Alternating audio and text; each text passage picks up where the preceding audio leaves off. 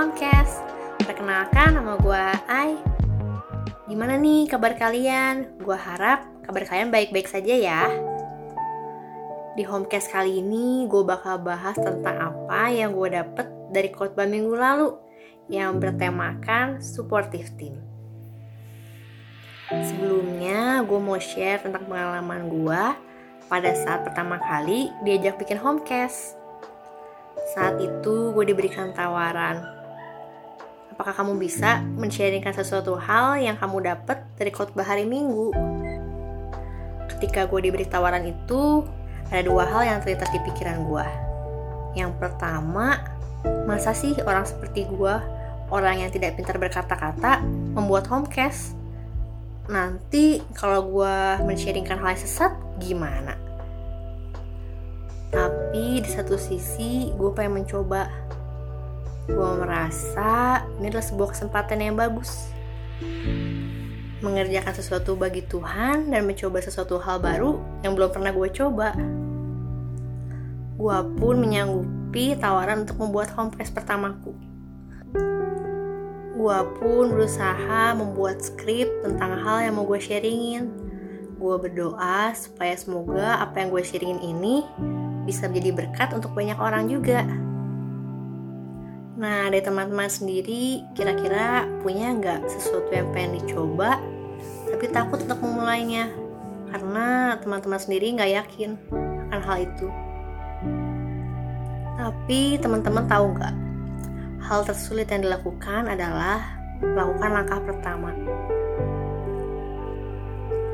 Gue juga termasuk orang yang seperti itu.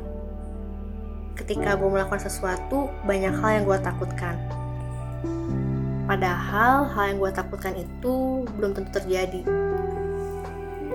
Nah, mungkin ya teman-teman sekalian ada yang mau mencoba sesuatu. Gue rasa coba dulu aja. Kalau masalah hasilnya itu urusan belakangan. Siapa tahu hal baru yang mau kau coba itu adalah talenta kamu yang tersembunyi. Tapi kalau ternyata pas kamu coba ternyata nggak sesuai sama diri kamu, ya nggak usah diterusin. Seenggaknya kamu udah mencoba mencari apa sebenarnya talenta kamu. Oh iya, kalian ingat gak tentang apa yang diceritain Ko Helmi minggu lalu? Tentang apa, pertandingan balap F1 bahwa pertandingan balap F1 itu bukan tentang kemenangan satu orang bukan tentang drivernya yang hebat bukan tentang pembuat mobilnya yang hebat tetapi ada orang lain yang membantu serta. Ada 20 orang yang ikut ambil bagian dalam pertandingan itu. Ada bagian yang mengganti ban, ada yang mengganti pokoknya settingan-settingan dari balapan itu sendiri. Pokoknya yang memastikan kondisi mobil itu berjalan dengan baik. Sama seperti pembuatan homecast ini, gua nggak sendiri ada orang lain juga yang support. Ada bagian yang memberi masukan ada bagian editing ada bagian publish. Ada orang-orang yang tidak terlihat yang terus serta membantu. Semua memiliki perannya masing-masing. Maka dari itu kita nggak boleh ngerendahin satu sama lain. Sama seperti pada Injil Lukas 8 ayat 1 sampai 3 Yesus juga memiliki 12 murid yang membantunya untuk memberitakan Injil. Tidak hanya kedua belas muridnya saja, ada Maria Magdalena yang sudah dibebaskan dari tujuh roh jahat. Ada Yohana, istri Kusa, bendara Herodes. Dan ada banyak perempuan lain yang melayani rombongan Yesus.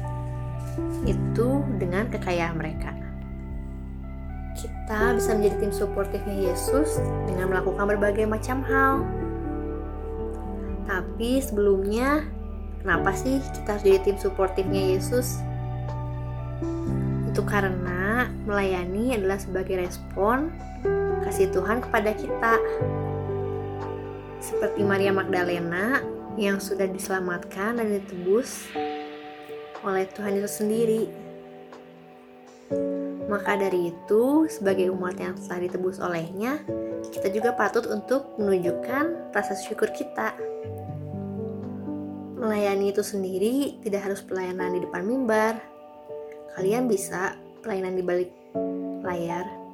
Kalian bisa tergabung dalam tim doa. Kalian juga bisa melayani di keluarga, bisa di pekerjaan, bisa di lingkungan pertemanan kalian, lingkungan studi kalian juga. Coba kalian lihat sekeliling kalian. Kira-kira hal apa sih yang kalian udah lakuin buat sekeliling kalian? Coba kalian tanya pada mereka, apakah mereka sedang membutuhkan bantuan? Apakah mereka sedang membutuhkan tempat untuk bercerita? Kalau lagi butuh bantuan, kalian bisa ngebantu. Kalau mereka lagi butuh tempat untuk bercerita, kalian bisa menjadi pendengar yang baik. Mungkin hal-hal ini juga terlihat sepele. Tapi hal-hal ini pun mendukung pekerjaan Tuhan. Kadang kita sudah merasa sangat sibuk dengan kegiatan kita sendiri. Kita cenderung berfokus pada diri kita sendiri tapi yuk sama-sama kita belajar buat lebih peka lagi. Belajar melakukan yang terbaik untuk Tuhan dan sesama kita. Gua pun masih terus belajar untuk lebih peka lagi untuk mensupport orang-orang yang di sekeliling gua.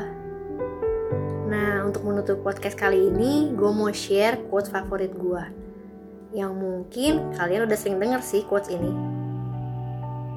Do your best and let God do the rest lakukan yang terbaik, sisanya biarkan Tuhan yang bekerja. Semoga sharing gue ini bisa memotivasi kalian juga ya. Sampai bertemu di homecast berikutnya. Bye-bye.